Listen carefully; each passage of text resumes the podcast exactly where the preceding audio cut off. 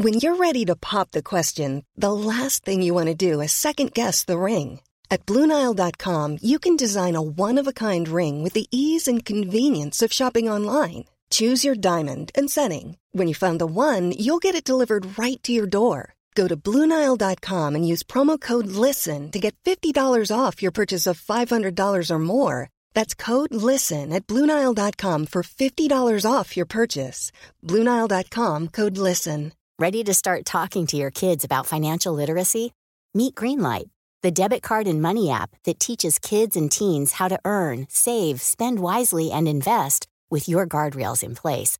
Parents can send instant money transfers, automate allowance, and more. Plus, keep an eye on spending with real time notifications. Join more than 6 million parents and kids building healthy financial habits together on Greenlight.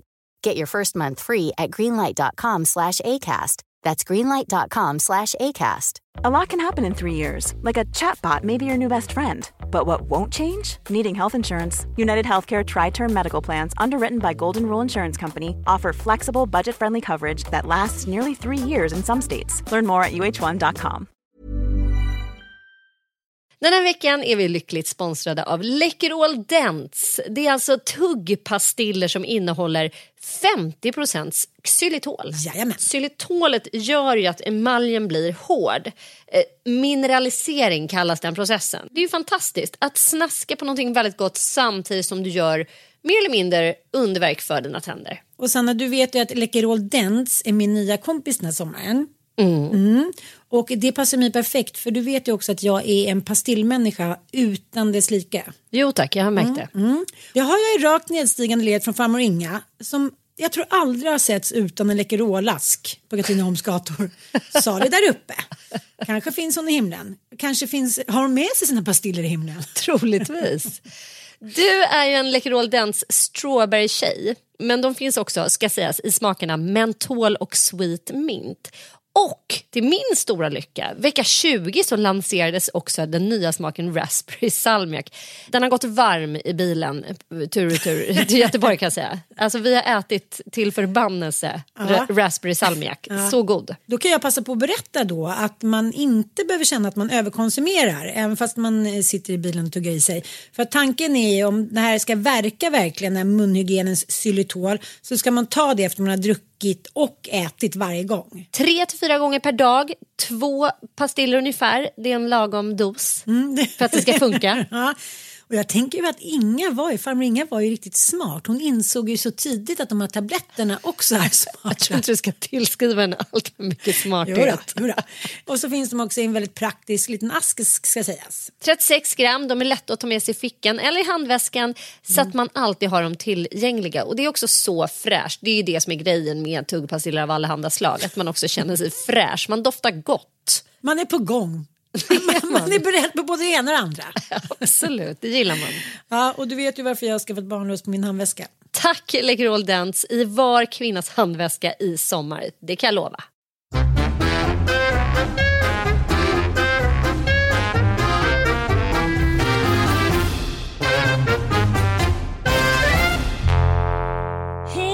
Och välkomna till Inte din morsa Summer Edition. Sanna edition eller Sunny edition. summer, summer, summer. Ja, jag har spottat så, så mycket olika liksom, eh, tendenser eller tendenser hos människor som jag måste få ta upp med dig. Men, men eh, lite senare om det. Jag har två teman som jag vill ta upp idag. Det är dels Hart Zelinskys Vogue edition. En sån klassiker. Det är många som har eh, delat om det Mm. lite i sociala medier. Jag såg att eh, Bianca Meijer bland annat har varit och lagt ut lite kring henne och sådär. Ja, spännande. Ja, vad har du mer på agendan idag? När du och jag var i Grekland, Mm. jag tycker du är så modig med, så här, när du lägger ut bikinibilder. Dels för att det är så här, ja men precis som du säger, ja men ibland väger man några kilo mer, ibland väger man några kilo mindre, ibland är man inte så nöjd, ibland hit och dit. Men du gör det ändå liksom. Sen så har du ju, men det här blir också lite typ läx. Jaha, men det är klart hon gör. Hon har ju världens vackraste kropp. Men, men jag tycker ändå att du gör det på ett väldigt härligt och fint sätt och blandar upp det i flödet. Och jag, jag vet inte, jag, jag tycker det är så svårt att lägga upp, alltså visa mig i bikini och sådär. För det känns lite som att, jaha, vem tror du att du är? Du vet, ska du vara lite mamma och sexig typ? Och då sa du till mig, jag vet inte vad det är. Alltså, eh, jag vet inte vad det är. Men, men jag är rädd att folk ska tycka så här, jaha, vill du fiska efter så här, mm, jag är 50 plus här och, och vill att folk ska tycka att jag är het. Och liksom, det, det kanske det är också. Men dels är det ju att, att som, nu har jag ju varit vid stränder, vid pooler i bikini i typ en och en halv månad. Vadå, ska jag ta, censurera mig och sätta på mig en handduk eller så här, lägga mig i poolen? liksom, inte göra det. Och då sa ju du till mig så här, men vadå? Det är väl inget fel, visa lite tuttisar och liksom vara lite het typ. Och sen har jag tänkt så himla mycket på det så har jag lagt ut lite bilder med tuttisar och ja men i bikini och så, här, så har jag tyckt att det har gett lite mer smak och sen vad fan, ja men det var väl inget farligt med det. Alltså förstår jag vad jag menar? Mm. Och sen idag då så tänkte jag på det, så var det en kompis som sa till mig så här, jag fattar inte varför man ska lägga ut bikinibilder. Mm. Och då hamnade jag i det där igen, liksom att jag kände sådär, Jaha, nej, men okej, det kanske är fel då. Man, man kanske skapar kroppshets och, och ditten och datten och folk tror att man vill skryta och sådär. Och så la jag ut på Insta. Mm.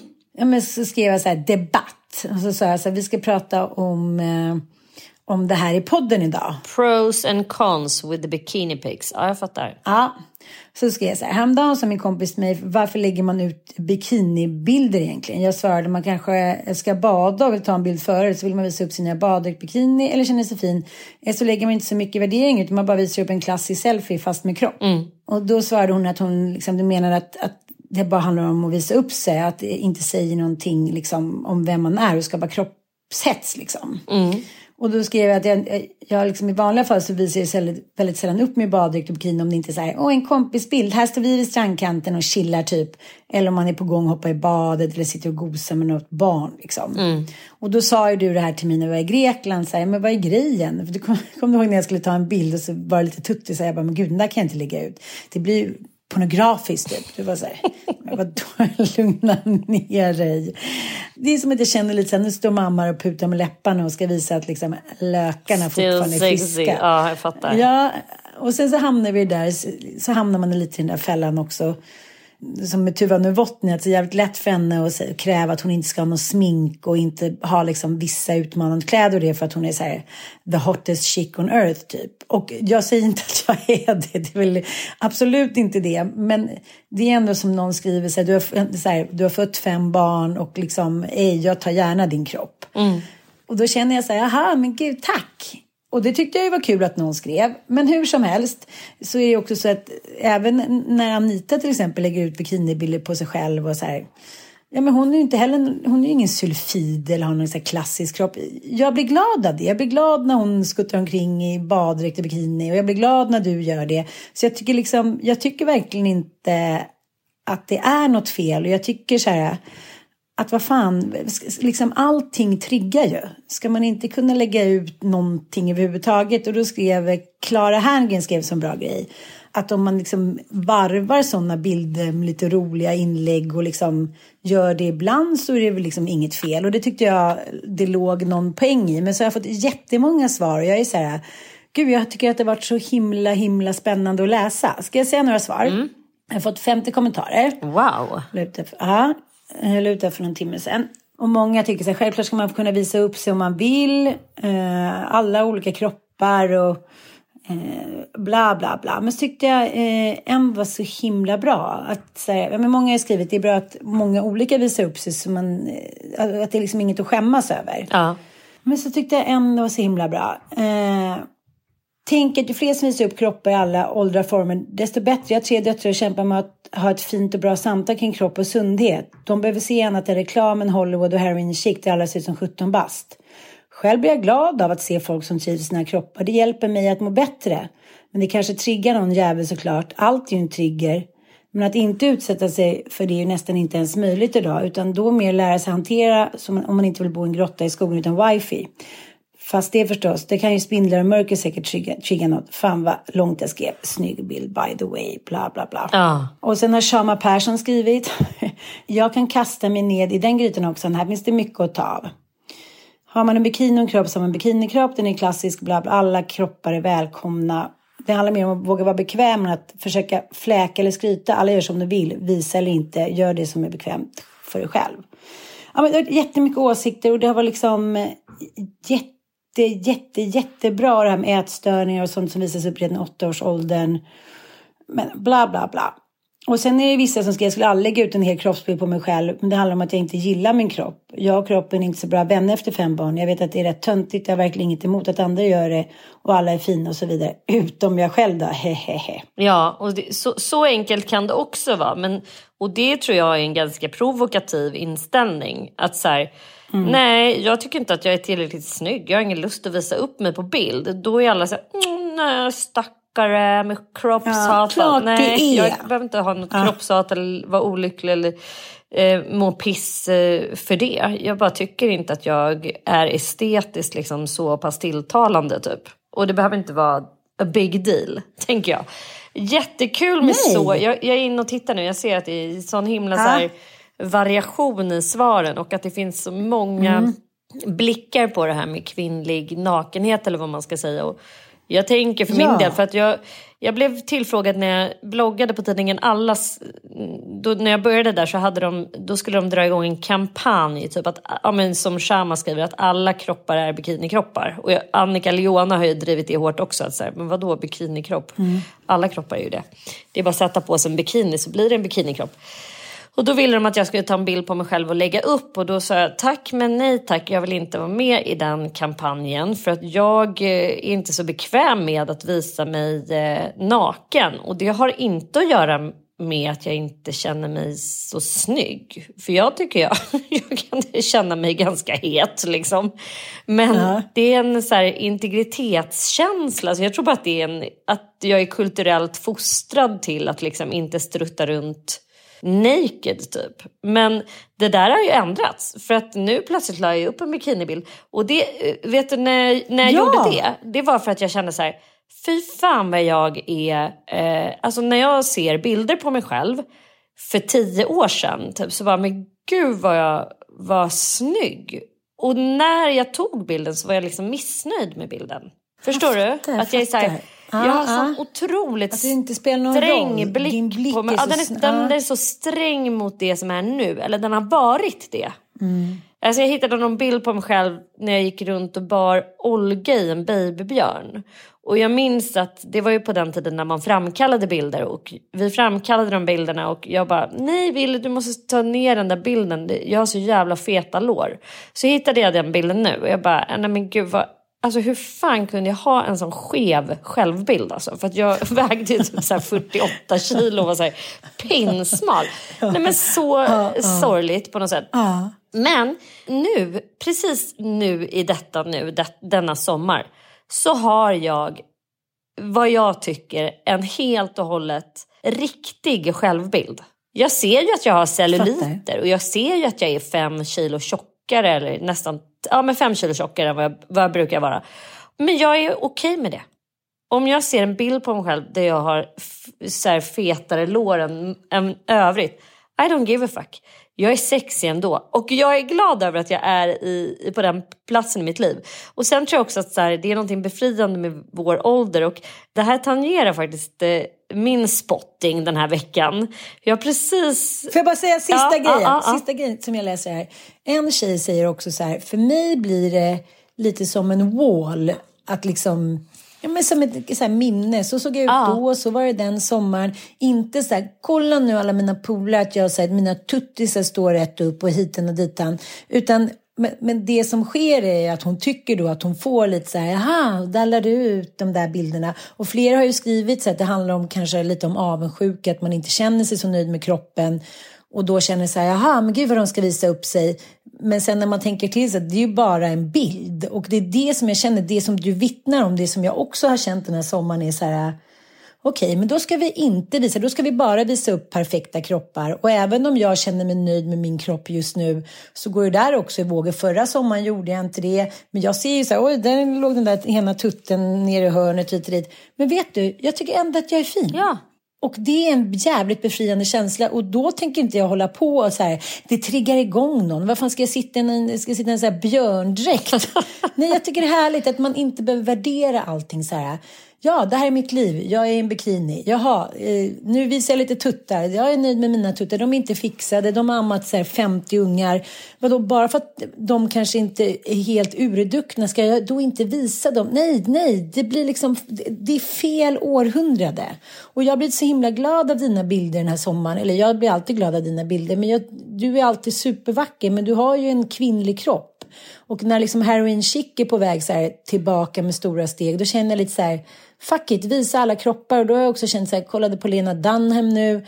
Ja, men så mycket som det har förstört för många kvinnor och också män att så här, men nu ska vi inte liksom visa att vi är homosexuella. Vi ska inte visa vad vi känner. Vi ska bara så här, spela med. Jag tycker det är befriande. Jag tycker det är en feministisk handling, en mänsklig handling. Ta Danne Paris till exempel som så länge har velat ha liksom fina klänningar och fluff.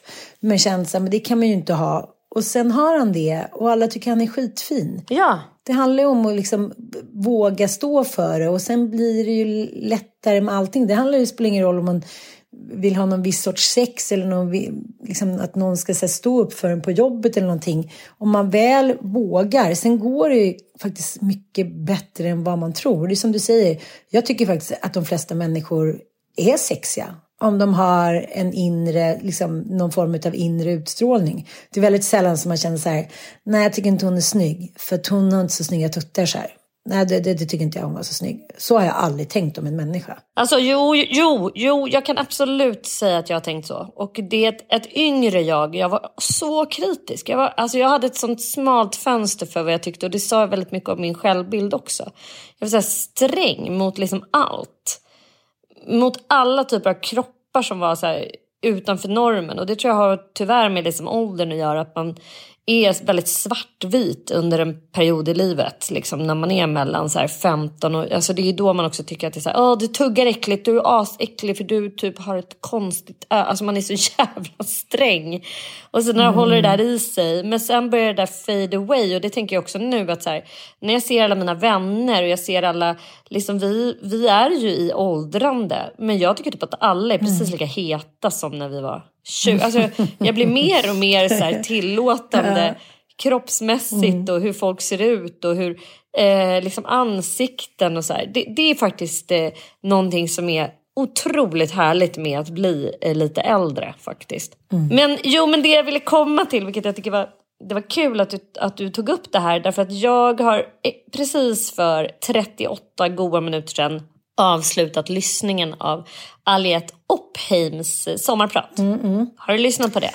Nej, jag, eh, det är min nästa på listan. Jag har lyssnat på uh, Mian Lodalens. Spännande, det har inte jag lyssnat på. Men Aliettes uh, sommarprat blev ju liksom en liten snackis. Man mm. märkte att det så rörde om i så so me-grytan och mm. människor man känner har liksom hyllat det och tyckt att det har varit bra. Och så, där.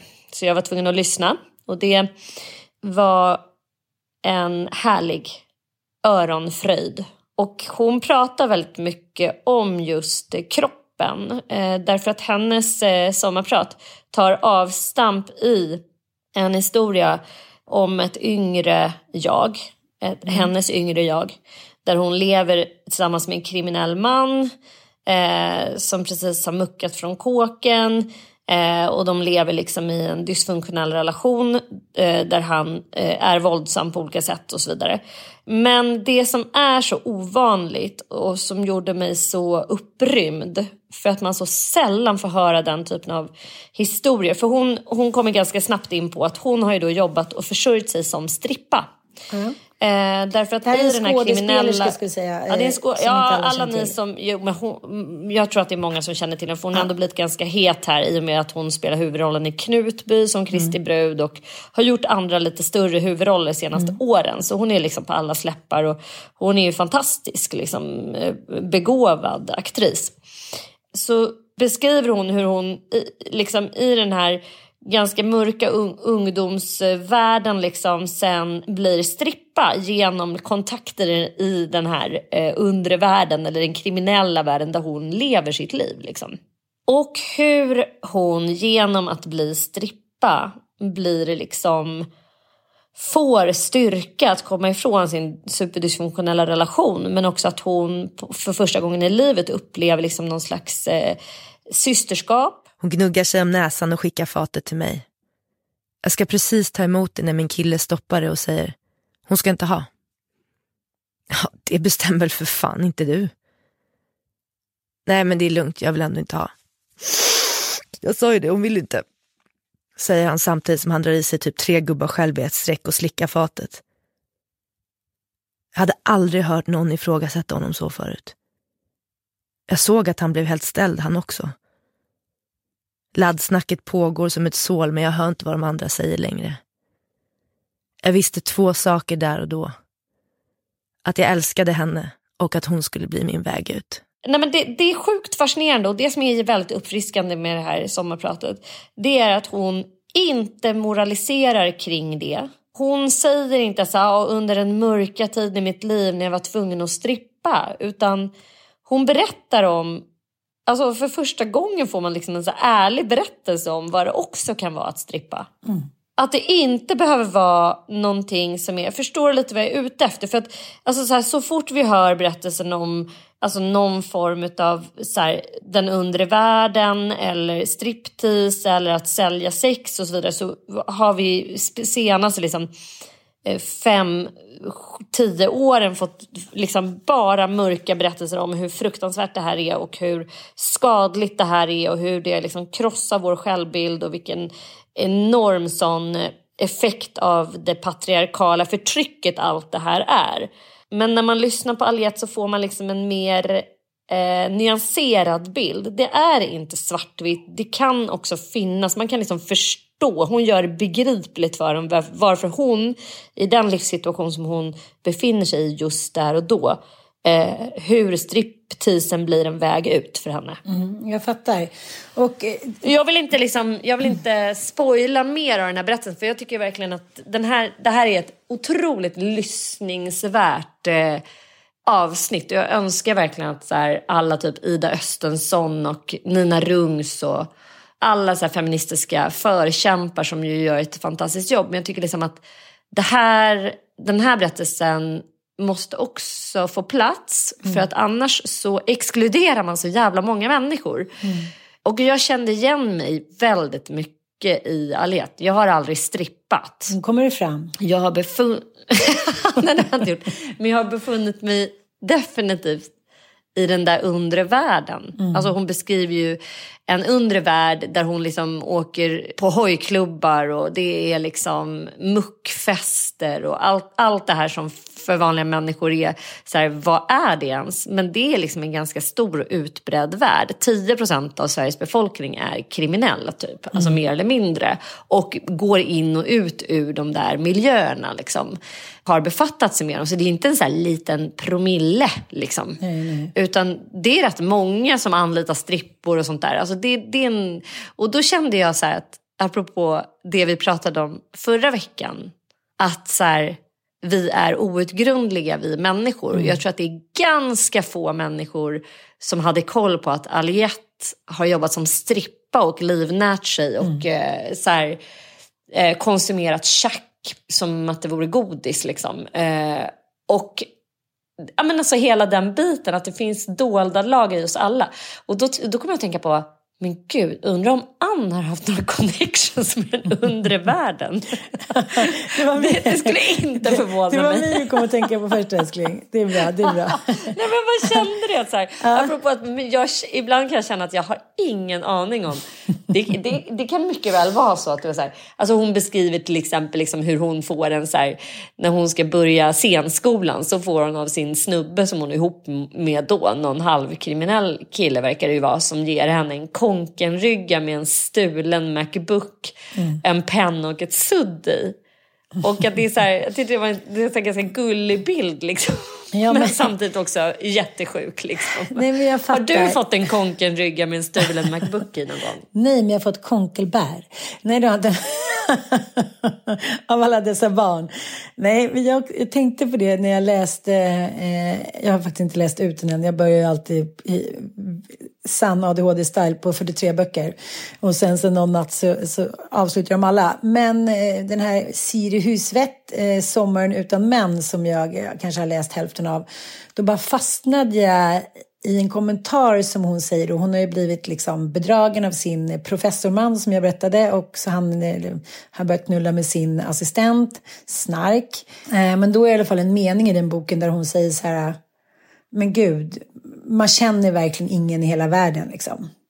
Något sånt, det är en liten parafras på det. Och då tänkte jag så här, nej, det gör man inte. För när du säger det så börjar jag tänka lite på ja, men, mitt liv och tider hur det har varit hit och dit. Och liksom, det har ju varit, eh, som du säger, undre världen. Och, jag, menar, jag tänkte ett tag själv, liksom, när jag bodde i USA och jag och min kompis var så här, men vadå, vi kan väl jobba lite som så här, men call girls, lyx call girls eller som strippor hit och dit. Att så här, vissa, liksom, vissa stämningar och vissa händelser och kanske om man har geografiskt avstånd också så ter sig inte det som anses då mörkt och skitigt och ditten datten som det liksom. Eh, och jag tänker killar som jag har varit ihop med och liksom bland annat i USA som så här, men, det har ju varit liksom ja, men fultjack och det har varit hiten och ditan och, och konstiga grejer och stulna grejer men, vad fan, det är, så här, det är väldigt få människor som har varit så här lammkycklingar. Men, nej, men du fattar vad jag menar. Att det är här, skillnaden är inte så stor tycker jag mellan mörker och ljus. Och, och vad är mörker då? Ja, men jag kommer ihåg, så här, ja, men jag vet inte hur länge sedan, kanske 10-15 år sedan så var det en massa rubriker om att eh, Colin Farrell, Colin Farrell, the liksom Hollywood bad boy, hade liksom dejtade en svensk strippa som han hade träffat på någon eh, stripp, eh, stripp eh, ja, men sylta i Paris. Och då, mm. eh, då var det så här, den svenska strippan, typ det verkar nästan som han är förälskad i henne, typ så här, den horan. Alltså förstår du? Man, man, mm. man, man, sa inte ens att hon hade ett namn, man sa inte vem hon var, utan det var bara så här, de verkar ändå förälskade typ så här, trots att hon är en hora. Och eh, så är ju hela liksom Pretty, Pretty Woman-filmen. Det är helt otroligt att den här horan kan bli omtyckt. Och så har det ju liksom varit i alla tider. Och därför välkomnar sådana här historier så otroligt mycket. Att så här, det är inte svart eller vitt. Man behöver liksom inte vara så här, världens sämsta människa för att man jobbar på en strippklubb. Alltså vad är skillnaden då? Så här, nej. nej, och man behöver inte heller vara liksom så här, nej men gud du var så utsatt och så mm. sårig mm. och så ditt liv var så mörkt så du hade inget annat val. Det är liksom det enda godkända så att säga incitamentet för mm. att göra något så mm. skabbigt typ, eller självdestruktivt eller farligt farligt. Så här. skulle lätt kunna tänka mig att jobba som strippa om jag kunde dansa. Så vadå, ut, skutta omkring lite med skillnaden.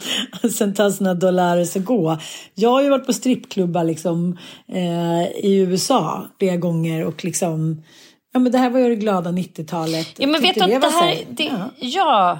Och, och, men det, det, jag, det kan jag säga att jag tycker att liksom världen i, har blivit så sträng. Otroligt I sociala medier. Och det var därför det var så chockartat befriande på något sätt att höra Aljets eh, mm. sommarprat. Mm. För att så här, vem får ens höra? Det här är sånt som människor döljer. Att så här, men gud, man skäms över att man har varit fram. så jävla... Att jag snodde en Toblerone Det kan vara farligt. Folk kan känna igen dig. ja. Du var liksom vek ut i slits. Mm. Oh my god. Typ. Du var med i tidningen mm. More. Då måste man typ byta identitet eh, om man var så jävla dum i huvudet så att man, eller självdestruktiv så att man gjorde mm. det. För att nu är det liksom PK som gäller och alla har blivit så hårt fostrade i den eh, senaste tidens liksom, feminism att det här är patriarkalt förtryck och det här är jättefarligt och det här är någonting som är extremt skadligt för oss alla att befatta oss med den typen av kvinnoförtryck. Liksom. Mm. Eh, och Aliette gör ju absolut inget försök i sitt sommarprat att motbevisa den tesen heller utan hon hon liksom bara nyanserar bilden. Hon Mm. berättar bara om sitt liv. Liksom, och att nej, det var, inte det, det var inte strippandet som gjorde att jag gick sönder. Tvärtom så liksom var det vägen ut för mig ur ett ännu större mörker där hon liksom levde isolerad med en våldsam kriminell man som slog både henne och en hund som hon älskade. En otroligt sån berörande berättelse för alla oss som älskar hundar så blir man liksom helt jävla all, gråtit extremt mycket kan jag säga. Och den här hundberättelsen.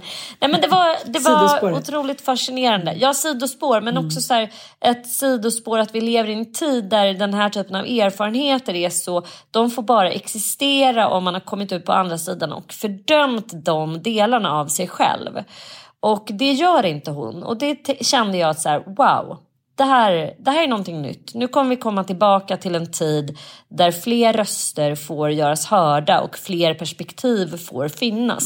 För det är det hon eft- efterlyser. Hon, hon berättar ju att hon söker scenskolan och hon gör också en jämförelse att det här är inte så jävla stor skillnad. Det är inte så stor skillnad att strippa och vara skådespelare. Nej, Alltså vi gör exakt samma sak. Vi använder vår kropp och våra uttryck i att gå in i roller och förkroppsliga olika känslor och tillstånd.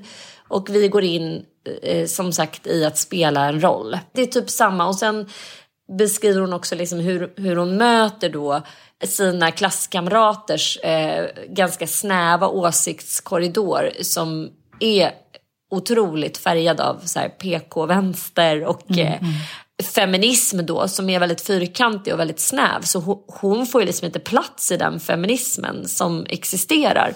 Och hon blir liksom obstinat och ska så trycka upp sina erfarenheter i facet på folk. typ så här. Men så som man är när man är ung. Men jag kan tycka att den liksom, den är exkluderande. Den, eh, det finns så många människor som har så, lever så helt andra liv eh, som bara inte får plats i det där, vilket är synd. Och vet du vad som också är helt liksom livsnödvändigt med att man vittnar om såna här historier? Det är ju också att det är inte alltid ett eget fritt val utan ofta så är det också ens medsystrar, ursäkta situationstecket, som kanske liksom eh, på något sätt iscensätter sig. Så har i alla fall varit. Jag tänkte på hon eh, Jeffrey Epsteins flickvän, eller vad man ska säga, som eh, Ghislaine Maxwell. Precis, Ghislaine Maxwell. Så här högadlig.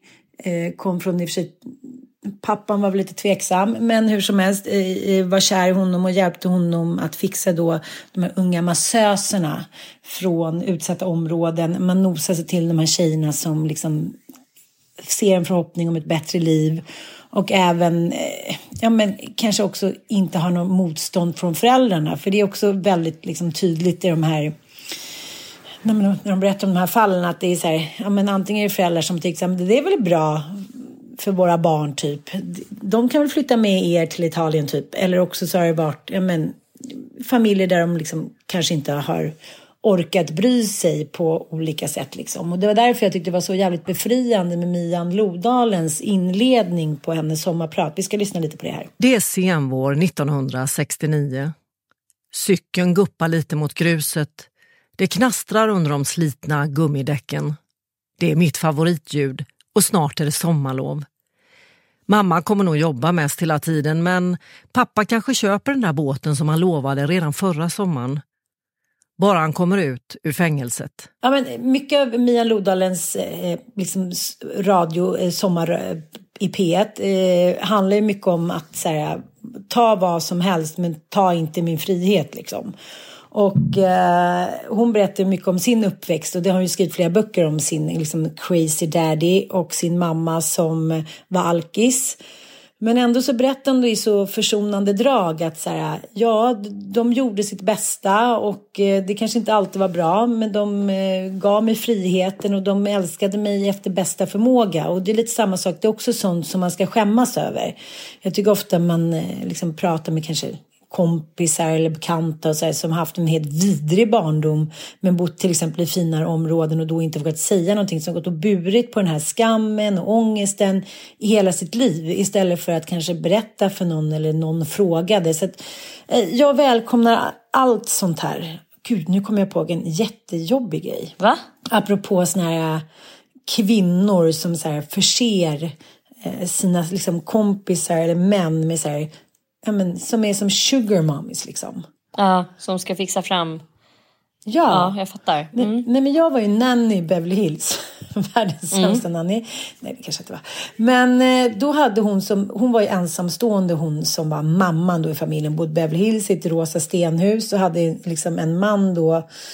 Ja, men, som låg och liksom, ja, men, rökte heroin på dagarna. Svinsnygg, härlig. Hon hade köpt en liten restaurang till honom så han skulle ha något att göra. Men det funkar inte. Hon var ju så medberoende så att ja, det är klart att jag hamnade i den familjen. Och så hade hon sin lilla tjänst då, hennes bortskämde son som var liksom, ja men såklart, som barn är som bara barnflickor tar hand om. Jävligt manipulerande och liksom, ja men rätt oskön, förlåt. Och då en Hey, I'm Ryan Reynolds. Recently, I asked Mint Mobile's legal team if big wireless companies are allowed to raise prices due to inflation. They said yes. And then when I asked if raising prices technically violates those onerous two year contracts, they said, What the f are you talking about, you insane Hollywood ass? F- So to recap, we're cutting the price of Mint Unlimited from $30 a month to just $15 a month. Give it a try at mintmobile.com slash switch. $45 upfront for three months plus taxes and fees. Promo for new customers for limited time. Unlimited more than 40 gigabytes per month. Slows. Full terms at mintmobile.com. Ready to pop the question and take advantage of 30% off? The jewelers at BlueNile.com have got sparkle down to a science with beautiful lab grown diamonds worthy of your most brilliant moments. Their lab grown diamonds are independently graded and guaranteed identical to natural diamonds, and they're ready to ship to your door. Go to BlueNile.com to get 30% off select lab grown diamonds. That's BlueNile.com for 30% off lab grown diamonds. BlueNile.com. If you're struggling to lose weight, you've probably heard about weight loss medications like Wigovi or Zepbound, and you might be wondering if they're right for you. Meet PlushCare, a leading telehealth provider with doctors who are there for you day and night to partner with you in your weight loss journey. If you qualify, they can safely prescribe you medication from the comfort of your own home. To get started, visit plushcare.com slash weight loss. That's plushcare.com slash weight loss. plushcare.com slash weight loss. Want to teach your kids financial literacy, but not sure where to start? Greenlight can help. With Greenlight, parents can keep an eye on kids' spending and saving, while kids and teens use a card of their own to build money confidence. As a parent, you can send instant money transfers, set up chores, automate allowance, and more. It's a convenient way to run your household, customized to your family's needs, and the easy way to raise financially smart kids. Get started with Greenlight today and get your first month free at greenlight.com slash ACAST. Alice hade hon, eh, hur gammal kan hon ha varit? Hon kanske var 40 och hennes polare var kanske så här, ja men 40 också. Och jag var ju liksom 19. Och jag och min bästa kompis Stina var där och bodde där. Stina bodde i en annan familj. Och då sa hon så här, ja men min, min, min killkompis han var ju där hemma hos henne ibland. Så här, men han var ju gullig liksom, han var ju schysst, schysst snubbe så det var inget mer med det. Han undrar om ni vill hänga med honom till Palm Springs över helgen. Han ska bo på lyxhotell och men om ni vill följa med och festa lite, ni behöver ju inte vara med honom liksom. Mm, tjena. Han kommer hämta mig i sin jeep och vi åker dit och hela idén är ju helt befängd från början. Varför kunde inte hon följa med då med sin son? Eller liksom, varför skulle jag då, 19 år gammal, och Stina följa med den där gubben? Jag, jag vet inte. Ah, det gjorde vi i alla fall. Och så på vägen så ringer Stina och säger så här, så alla bakis. Så att liksom, jag kommer imorgon istället. Åk före du. Jag var så här, okej. eh, jag kände ju inte honom fem. Jag, vi tänkte så här, fan vad nice. Vi tjänade 100 dollar i veckan och tänkte så här, då får vi bo i ett eget rum och så kan vi parta lite med så här snygga amerikanska snubbar och vara i Palm Springs så kan väl han liksom göra det han ska. Han hade lite polare där och det. Men så var det ju inte alls utan det var ju bara han och jag på ett så här, ja men lite halvrisigt golfhotell liksom. Och eh, är man 19 år gammal, även om jag tycker att jag var ganska så här, hade mycket skinn på näsan. Det här var också en helt annan tid. Det fanns inget internet, det fanns liksom inga datorer. När man var på något ställe var man liksom på något ställe. Det var inte så här att man Ja men du fattar, kunde smsa Stina så här, vad fan håller du på med? Utan då var man ju tvungen att ringa via telefon med snöre. Ja, och lyckas då Ja. eh, pricka in när den jäkeln var hemma. Ja, och att hon Alltså, då, ja, hon låg där hemma och liksom körde på med Rob hemma i deras etta typ på Sunset. Så jag var så här, du vet jag började få mer och mer panik. Jag bara, nej men det här kommer inte gå, det här kommer liksom inte gå bra. Och sen såklart så var det så här, tequila, drinkar hit och dit. Och sen så skulle vi då gå hem och jag skulle liksom ligga i egen säng. Men det var ju så här, jaha, superrisigt rum, typ en säng såklart. Mm. Och typ, jag, ja, men vi är lite onyktra och jag får så här panik och känner så här, jaha, vad då måste jag ligga med honom då? För att liksom, jaha, för att jag får åka med den här helgen. Nej men du fattar, jag bara får mer och mer panik liksom. Eh, ringer till Stina, hon bara, ah, men jag får se, kanske kommer imorgon eller liksom, kommer jag inte typ. Jag bara, du kommer hit typ så här, du kommer hit. Och sen på kvällen då, nej men då så, här, så försökte, liksom, låg vi i samma säng och han försökte hålla på och prångla in sin lilla Noppedoni och hålla på. Och jag bara kände så här, nej jag bara, men gud, är jag nu en hora? Alltså ska jag ligga med honom? Bara, jag vägrar. Jag bara, nej jag vägrar. Och gick ut därifrån, gick omkring på den här golfbanan och typ, så vedvärd. Jag kunde inte ta mig därifrån. Jag hade ingen bil. Jag var 19 år liksom. Uh, och jag tänkte på det. Sen kom ju Stina dagen efter och där körde vi på lite och så här, festade lite och det blev skitdålig stämning. Och sen på vägen hem så, så sa inte jag ett ord till honom. Och så kom jag hem och hon då som var min mommy, hon bara så här, ah, hur gick det? Jag hörde att det blev lite dålig stämning och så här. Vad fan, vad tror hon? Hon hade helt så här iskallt räknat med sig, ja men min polare, det är väl kul att han får ligga lite med min barnflicka. Jag vet inte. Jag, men, ja. jag menar, ju, det var ju en otrolig skam för mig. Som jag tycker så här, men det var väl då mitt fel.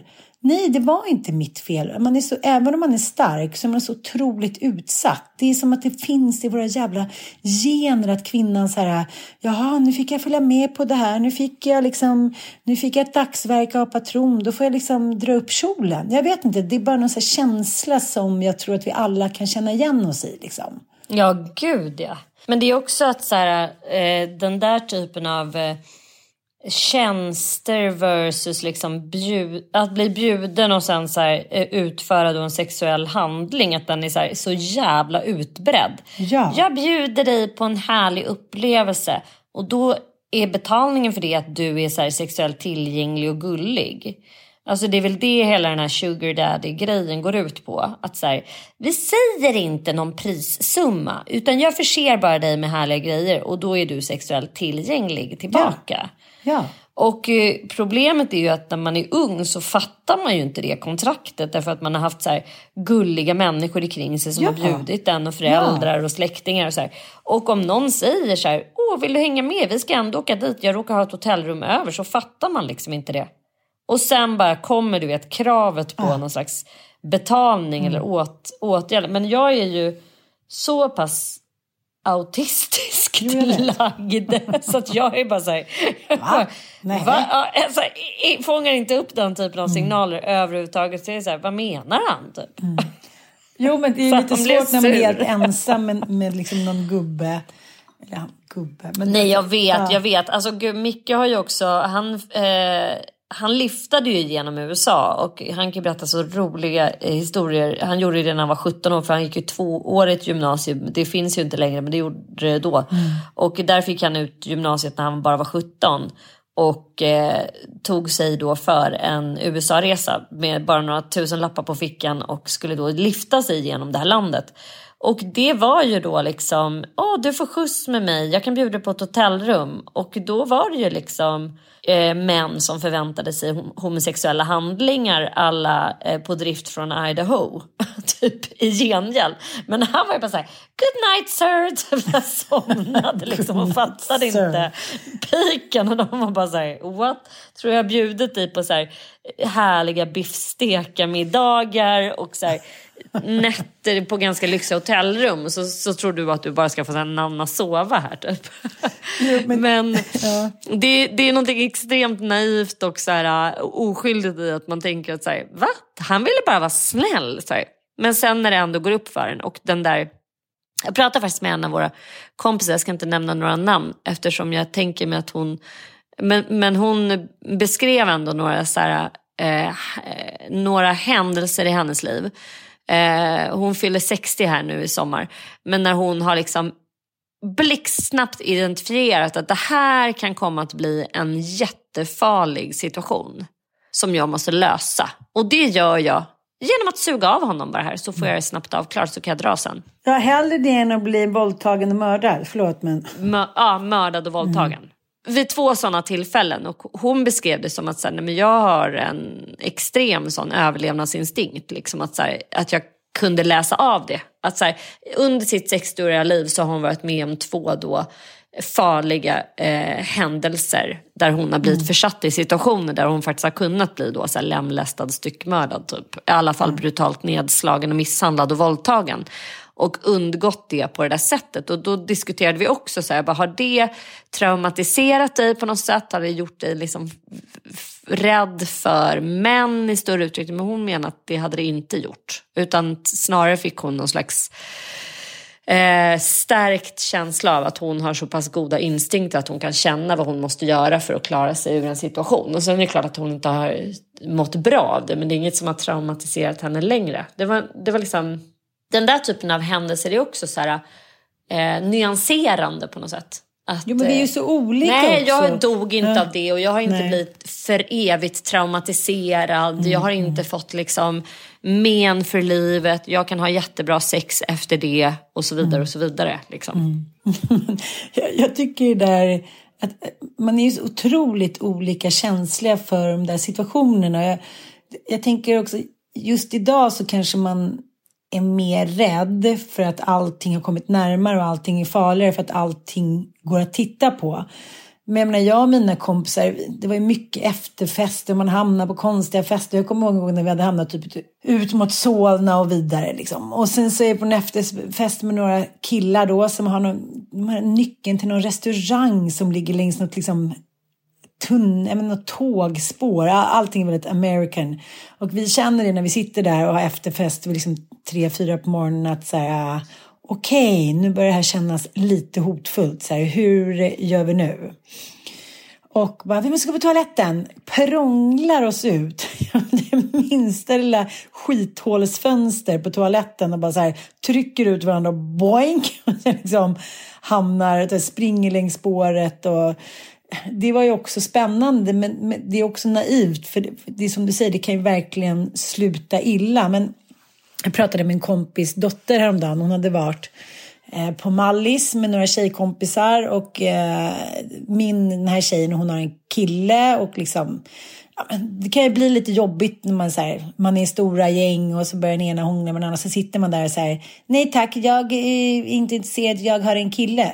Men så är det ju bara och vice versa. Liksom. Men, men då hade de varit på någon så här, förfest med ett gäng snubbar i 30-årsåldern som var på svensexa allt li lika härligt. Man blir så pepp att en snubbe ska köra en, en riktigt härlig svensexa med lite så här brudar, strippor eh, och ja. ja men du vet, man hör ju såna här historier hela tiden tycker jag. Fortfarande liksom, förlåt, 2022 när man tänker så men nu är det väl ingen Kanske finns det så här douchebag som vill ha stripper och prostituerade och lalala. Men det är väl ingen som gör längre. Klipp till. Ja, det var det visste. Eh, hur som helst så Ja, men då var det mycket så de bjöd på drinkar, de ville liksom att de skulle sitta i deras knä. Och så här, att det här slutade väl med att han var så här, ligga med någon sista gången. Du vet, jag kräks mycket på män i bunt som dricker alkohol och som tycker så här, allt är okej. Okay. Och hon sa att jag kunde ju liksom, det var ju bara för mig att gå därifrån, jag mådde så illa. Men mina kompisar, så här, vi hade ju tight budget, de ville så här, dricka lite gratis drinkar och det priset de fick betala var ju att sitta i någons knä. Och det är så här, vad, fan, vad ska man säga? Man var själv 16, hade så här, inga pengar, gick på Café Opera i bh och skinnjacka för det hade Malin Berghagen. Man blev bjuden på drinkar. Jag vet inte. Jag fattar att det är, liksom, det är svårt att stå emot hela liksom, vad ska man säga, bjudkulturen. Ja, det, det, det är som du säger, så här, det är inte heller att, heller kanske att fördöma. Jag vet inte. Skillnaden att sitta på stranden, dricka Rosita och liksom kasta stenar. Jag, jag fattar att det sker, förstår du vad jag menar? Jag fattar att man vill vara ja, med äldre killar med stålar. Ja.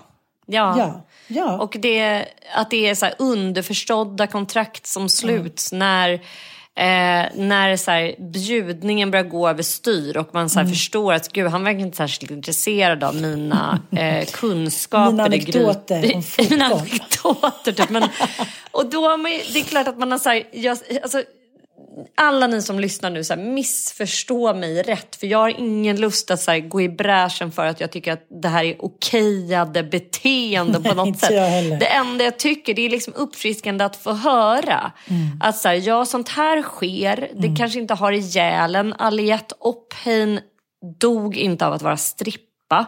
Det har inte traumatiserat henne särskilt hårt. Även om hon har massor med andra trauman som hon är öppen med i det här sommarpratet också. Men just, just den där stripteasen att klä av sig kläder och att visa sig själv naken då.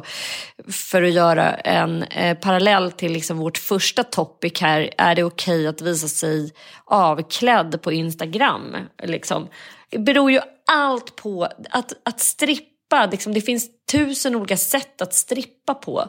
Det finns en miljon olika upplevelser av det. Vissa kanske är, mår fruktansvärt dåligt av det och andra liksom går ur det hela och rena och har liksom bara så här, ja, jag skakar av sig det och tycker inte att det är någon big deal liksom. Och vi ska inte kategorisera och klumpa ihop och säga att så här är det.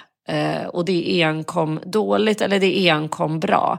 Eh, och jag tycker att det vackraste som finns det är när människor som faktiskt har varit med om den typen av upplevelser och erfarenheter berättar om det precis som det var utan att så här, förställa sin berättelse för att behaga eh, den ena gruppen eller den andra. Alltså antingen ska man då så bli accepterad av eh, the feminazis liksom, och då vill man då berättar man en version. Eller så vill man så här, eh, behaga en annan grupp och då ber- berättar man en annan vers- version. Jag tycker det var snyggt bollat av henne att kunna berätta liksom en version som bara var trogen henne. Liksom, hon ville inte behaga någon med den där berättelsen. Jag tycker det var Nej. nej. det, det är så lyssningsvärt. Så eh, fint sommarprat. Ja men så här. Martina Montelius skrev så här. Mami, ju äldre jag blir desto mer förlåter jag och förstår dig. Och så har hon postat en bild på Kristina Lunds då, gravsten. Och det är så många som skriver liksom. Aino Östergren. Ja, mammor blir allt mer förståeliga. Med tiden är det mesta förlåtet. Bäst så innan man gör om sällskap. Och det är hjärta, hjärta, hjärta. Och, och folk är så här, det känner jag igen. Man förlåter och förstår genom hela livet. Underbar känsla. Och jag kände också igen mig i det där. Jag, jag kan ju bara liksom känna kärlek när jag tänker på min mamma. Och jag kommer knappt ihåg liksom allt, alla de trauman som hon har åsamkat mig. Liksom. Men det var en röst som stack ut i det här sällskapet som alltid. Och jag älskar henne för det även om jag verkligen inte alltid tycker som hon. Och det är Marianne Lindberg De Geer. Och hon skrev så här. Vackert så, men kanske är det också kärleken till det övergivna barn du en gång var som får möjlighet att växa med avståndet. Ja. Förstår du liksom att, så här, att hon liksom ändå tolkar in att så här, Kristina Lunds frånfälle har givit Martina Montelius en möjlighet att ge sig själv kärlek. Liksom, som inte hade kanske ens varit möjligt om Kristina hade varit fortsatt vid liv. Nej, jag fattar, jag fattar. Och det tycker jag var så här, för det första är det modigt att skriva så för att så här, vem fasen, alltså de, jag vet inte, de kanske känner varandra jättenära, men det är också så här, det är inte liksom konsensus att skriva så om man jämför med alla andra som är så här, oh, gulligull, mys mys, hjärta hjärta liksom. Jag känner ju med min mamma att det Marianne Lindberg Geer skriver, det stämmer.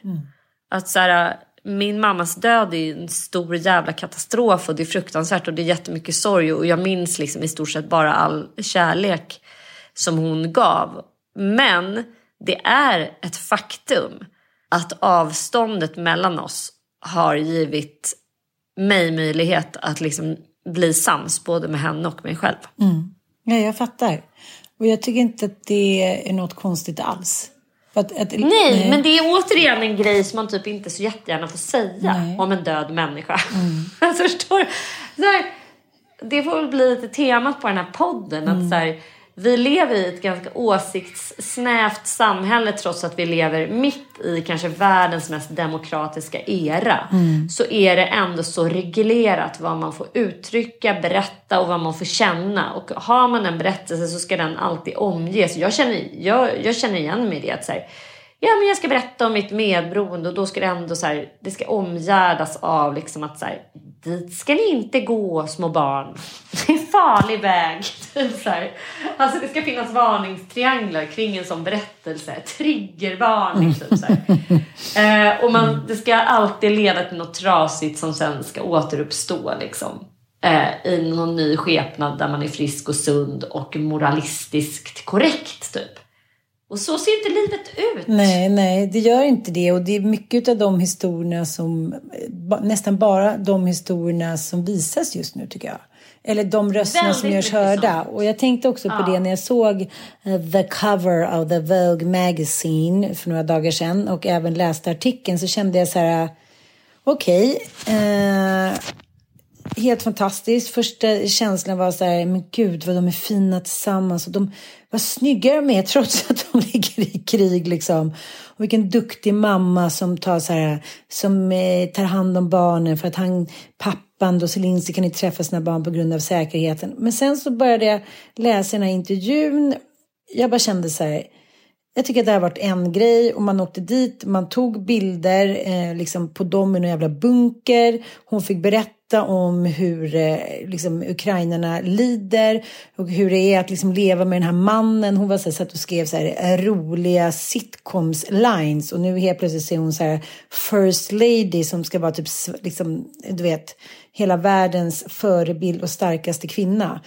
Men sen däremellan så var det så här, she, she wears um, clothes from bla bla bla. Och eh, då kände jag så här, nej, nej men den här gången så hade, var ni tvungna att skippa det här för att det här skulle vara starkt och trovärdigt liksom. Och så, så en bild då där hon står i någon så här snygg, svinsnygg, lång så här, klänning, kavaj typ framför ett sönderbombat flygplan. Och tre liksom, Du vet, det är så kitschigt och det är så... Och så säger By Annie Leibovitz. This is my, my, my personal favorite of all the pictures. Man bara säger, jaha, okej. I love the Vogue cover, bla bla bla. Och så är det någon som skrev så, så jävla bra. Massive amount of Ukrainian soldiers dying every day, Zelensky. Let's have a Vogue shooting. Just det, så här, varför? Jag förstår, jag förstår inte, förutom att säga, ja, de är svinsnygga, hon berättar liksom om hur hemskt det här är hit och dit. Men varför är Vogue? Nej, jag får liksom, it doesn't make sense. Och inte så här att varannan, Ja, så här, det var så otroligt, Annie Lebovitz, världens mest kända fotograf, skulle dra dit då med olika sorters ljussättning och det här skulle så här omhullas, otrolig säkerhet. Och reportern berättade att hon hade så här snurrat runt i dagar för att få träffa dem hit och dit. Man bara, Jaha, var det fokus på det nu? Nu var det ändå fokus på att hon skulle på något sätt här, under brinnande krig göra någon stor så här, kommersiell kampanj för Ukrainian typ designers. Nej, men det är helt liksom, första tanken tänker jag så här, men vad fint, det är väl en bra idé, hon är snygg och det är någonting annat. Andra tanken är bara så här, men vad fan, vad är redaktören? Vad är den som sa så här, abort, abort mission, abort mission. Intervjua henne gärna, låt henne sitta liksom med vardagsmascara lite intorkad och ett par jeans och en tröja, fine.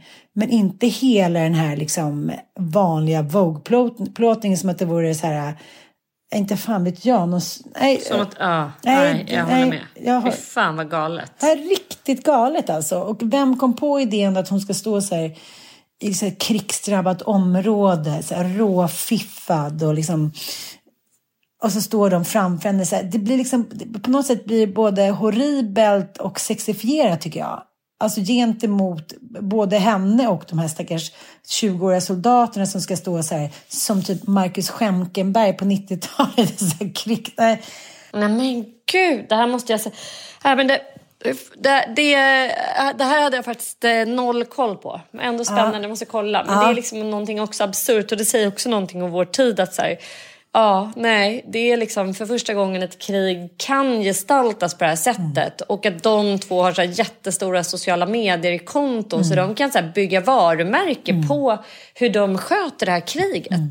Alltså det är väldigt absurt att så här, Zelensky liksom har fått ett sånt eh, fäste. Det har ju vi varit inne på eh, precis vid krigets start. Liksom att han också då är en typ av man som plötsligt så här, extremt många feminister då börjar dela liksom. Jag tänker främst på Lady Damer som så här, går ut och bara repostar en miljard olika små filmer på crazy saker och härliga saker som Zelensky eh, har gjort. Allt ifrån att dansa i high heels till att ha humor, till att ha en manlig röst, till att sköta det här kriget på ett så pass sexigt sätt och så vidare. Liksom.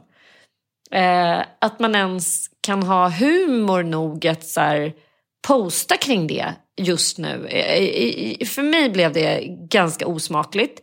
Eh, och jag tänker att det här också är hyfsat jävla osmakligt. Eh, att börja så här, saluföra olika så här, ukrainska designers kreationer på eh, presidentfru Zelensky i Vogue. I don't know. Eller så är man bara liksom inte känslomässigt redo. De kanske bara känner att vi måste få fortsätta leva vårt liv. Om Ukraina för första gången är i rampljuset över hela världen, det är kanske nu vi ska passa på så att säga. Att så här, och det säger också någonting att vi lever i så här, kanske den mest kapitalistiska eran ever. Att man till och med använder så här, oj, allt ljus är på mig. Det må vara negativt, det må vara i krig, men vi är the good guys. Nu jävlar ska vi kränga prylar här. Ja, men, men jag tycker också så här, och även då så är ju Zelenskyj intervjuad i intervjun. Där han, va, vad föll du för? Han bara, jag föll för hennes mun typ. Och, och liksom, eh, hon var vacker. Hon, var, hon, är också, hon kanske är starkare än vad hon tror. Hon är min bästa kompis och bla bla. Man bara så här, Who gives a shit? Det är så här hundratusentals ukrainska tjejer och kvinnor som står på vid frontlinjen. Man bara så här, ja, var det viktigt att han tyckte om hennes mun? Vi ser alla att hon är svinsnygg, men det som jag tycker om vi ska knyta ihop säcken så blir det som att allting är låtsas estetik. Så därför mm. blir det så här, alla de som, den här tjejen som då har 38 månader före för att hon har ett nice ass. Det är så här, okej okay, då redigerar hon verkligheten. Så här, nu var det jättepopulärt med ett big ass. Och sen berättar liksom eh, J Lo, tycker jag så jävla bra intervju, eller en dokumentär om henne hon säger så här, men ni måste förstå att så här, på 90-talet, jag var ett sånt skämt. Det var det enda de skämtade om i talkshows, i tidningar, bakom min rygg. Alla skulle liksom vara 1,80 och uh, eh, var heroin chic och råsmala och bleka och jag var så här latino med stjärtament och så här midja och tuttisar du vet, de film, många av regissörerna filmade ju inte ens hennes liksom, nederdel. Bakdel. Nej, hon gick omkring Nej. som en dwarf och bara så här, hett, hett, hett. Alltså så här var det liksom på 90-talet att så här, kvinnor blev superdiskriminerade för att de såg ut på ett visst sätt och bla bla bla. Och mitt i det här under brinnande krig så är det så här, då blir krig estetik och hon framstår som att hon ska vara så här mother, the mother of Ukraine women som så här dör i krig. Jag vet inte, det, liksom, det är bara så här, allting har ju bara blivit något jävla skådespeleri på något sätt. Och det här gör ju inte saken bättre liksom, att allting ska upphöjas för att man är snygg. Mm. Nej, säg vad ni tycker och eh, det är mycket, mycket att snacka om hela tiden. Det är mycket mycket, det är mycket, alltid mycket. Ja, det är mycket. alltid mycket. Men en sista grej, det är oftast också tycker jag att det är kvinnor som vågar säga såna här grejer. Att när mamma dog så kunde jag själv eh, bli den jag, jag kunde vara, jag kunde försonas med henne hit och dit. Men det är ju samma sak med min pappi. Nu har jag aldrig direkt så här icke försonats med honom eftersom jag har älskat honom för den han är i rubb och stubb och aldrig direkt varit särskilt kritisk liksom, även om det, vi har hamnat i olika dispyter på grund av att vi, vi båda är liksom två strutsar. Men jag känner mig både befriad och liksom fången i min längtan efter honom. Och varje dag så är så, då vill jag ringa och prata med hans skarpa intellekt och så här, höra när han säger, finns det något skvaller då? Eh, är det någonting på Gotland med Alex och de där? Finns det något skvaller? Jag längtar efter honom så mycket, men jag vet inte om jag skulle orka ha tillbaka honom i mitt liv. Förstår du? Mm. Det är liksom dubbla känslor eh, kring allt. det där. Ja, som med allt. Ja. Och sen men det är också modet att våga känna det. Mm. Och det är någonting som är så här, vi vill liksom döden har ju sen någon typ av försonande drag eftersom då försvinner ju allt det där som var jobbigt. Det är inte det man går runt och minns. Nej. Utan det är liksom kärleken man minns. Mm. Så det är någonting extremt eh, vackert med det mm. på något sätt. Jag tänker att hela den här podden handlar om, vare sig man lägger ut en bild på sig själv eller inte, att man har nästan alltid dubbla känslor för allting.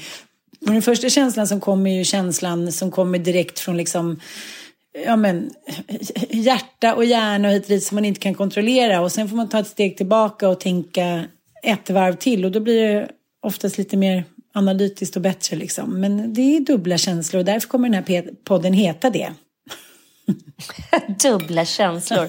Apropå dubbla känslor, jag, tycker att, jag vill också bara säga alla ni som engagerar er när vi pratar om så lite brännande topics. Eh, vi pratade ju i förra avsnittet om, om ADHD och mm. medicinering och sådär. Och så fick jag, eh, jag har fått jättemycket liksom, svar kring det. Eller P, vad heter det, DMs när eh, ni skriver in och det är så fantastiskt. Så jag vill bara läsa upp, jag fick från Mimmi, hon skrev så här. Hej, jag vill bara kommentera ert senaste avsnitt. Och 14 procent, alltså två i varje klass, har en svag teoretisk begåvning. Och det här är inget som man talar om. De här eleverna har stora svårigheter att klara skolan och ännu värre har det blivit sedan nya skolreformen. Dessa elever får inte sällan en ADHD-diagnos då man inte vill prata om det så att säga verkliga problemet, alltså svag begåvning. Mm. Det är ingen som pratar om dessa barn, vilket är oerhört sorgligt. Alltså precis som vi pinpointade ju att det finns elever som har väldigt så här, som är högbegåvade, det är problematiskt mm. i sig.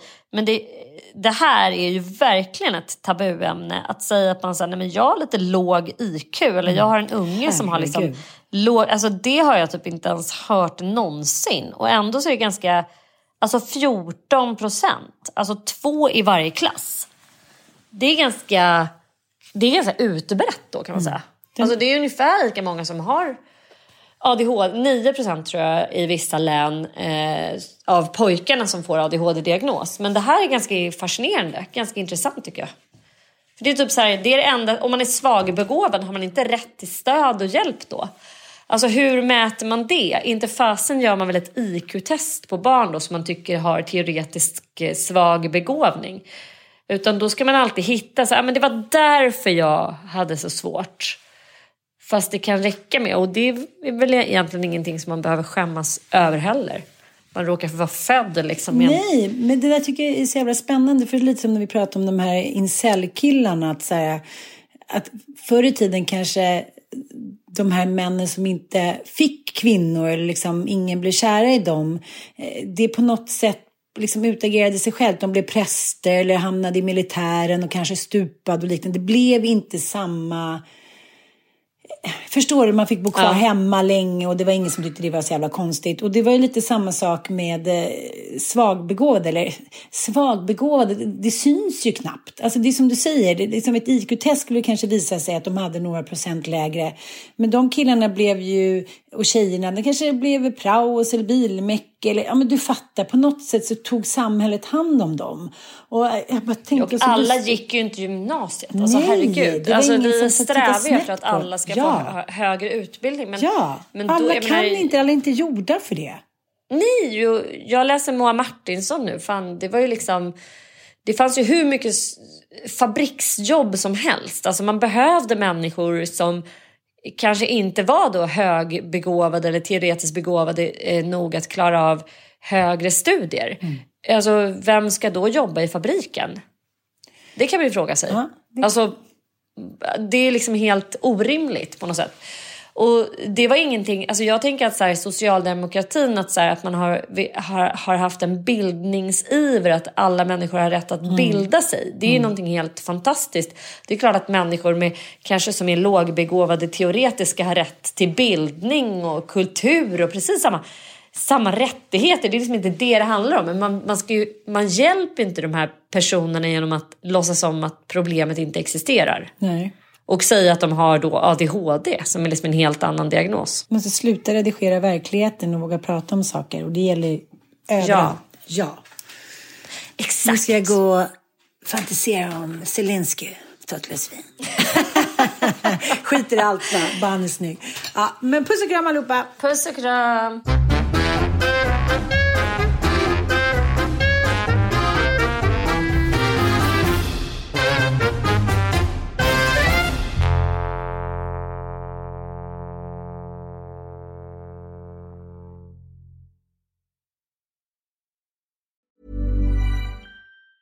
Roundabout Season 2, presented by Nissan, is live now, and we're back to share more stories from the road and the memories made along the way. We're talking rest stops, if we're stopping to get gas. You will be timed. Misguided plans. I grew up in the city, so I have like, you know, a healthy fear of real extreme darkness. a lot of laughs. Y'all weird, but you, yeah, you, you were different. And so much more. Listen and subscribe wherever you get your podcasts. Imagine the softest sheets you've ever felt. Now imagine them getting even softer over time. That's what you'll feel with Bowl and Branch's organic cotton sheets. In a recent customer survey, 96% replied that Bowl and Branch sheets get softer with every wash. Start getting your best night's sleep in these sheets that get softer and softer for years to come. Try their sheets with a 30-night guarantee. Plus, get 15% off your first order at bowlandbranch.com. Code BUTTERY. Exclusions apply. See site for details. Hello, this is Danny Pellegrino, host of the Everything Iconic podcast, and I'm here to tell you all about Splash Refresher because hydration is mandatory, but boring is not. Now, I love my water, but if I don't spice it up, I'm not going to finish what I took out of the fridge. That's why I love my Splash Refresher, which is flavorful, delicious, bright, hydrating, and zero calories. The wild berry flavor is my fave. No, wait, is the pineapple mango flavor my fave? You know what? All five craveable splash refresher flavors are my fave because they're so delicious. So get hydrated and enjoy it with Splash Refresher.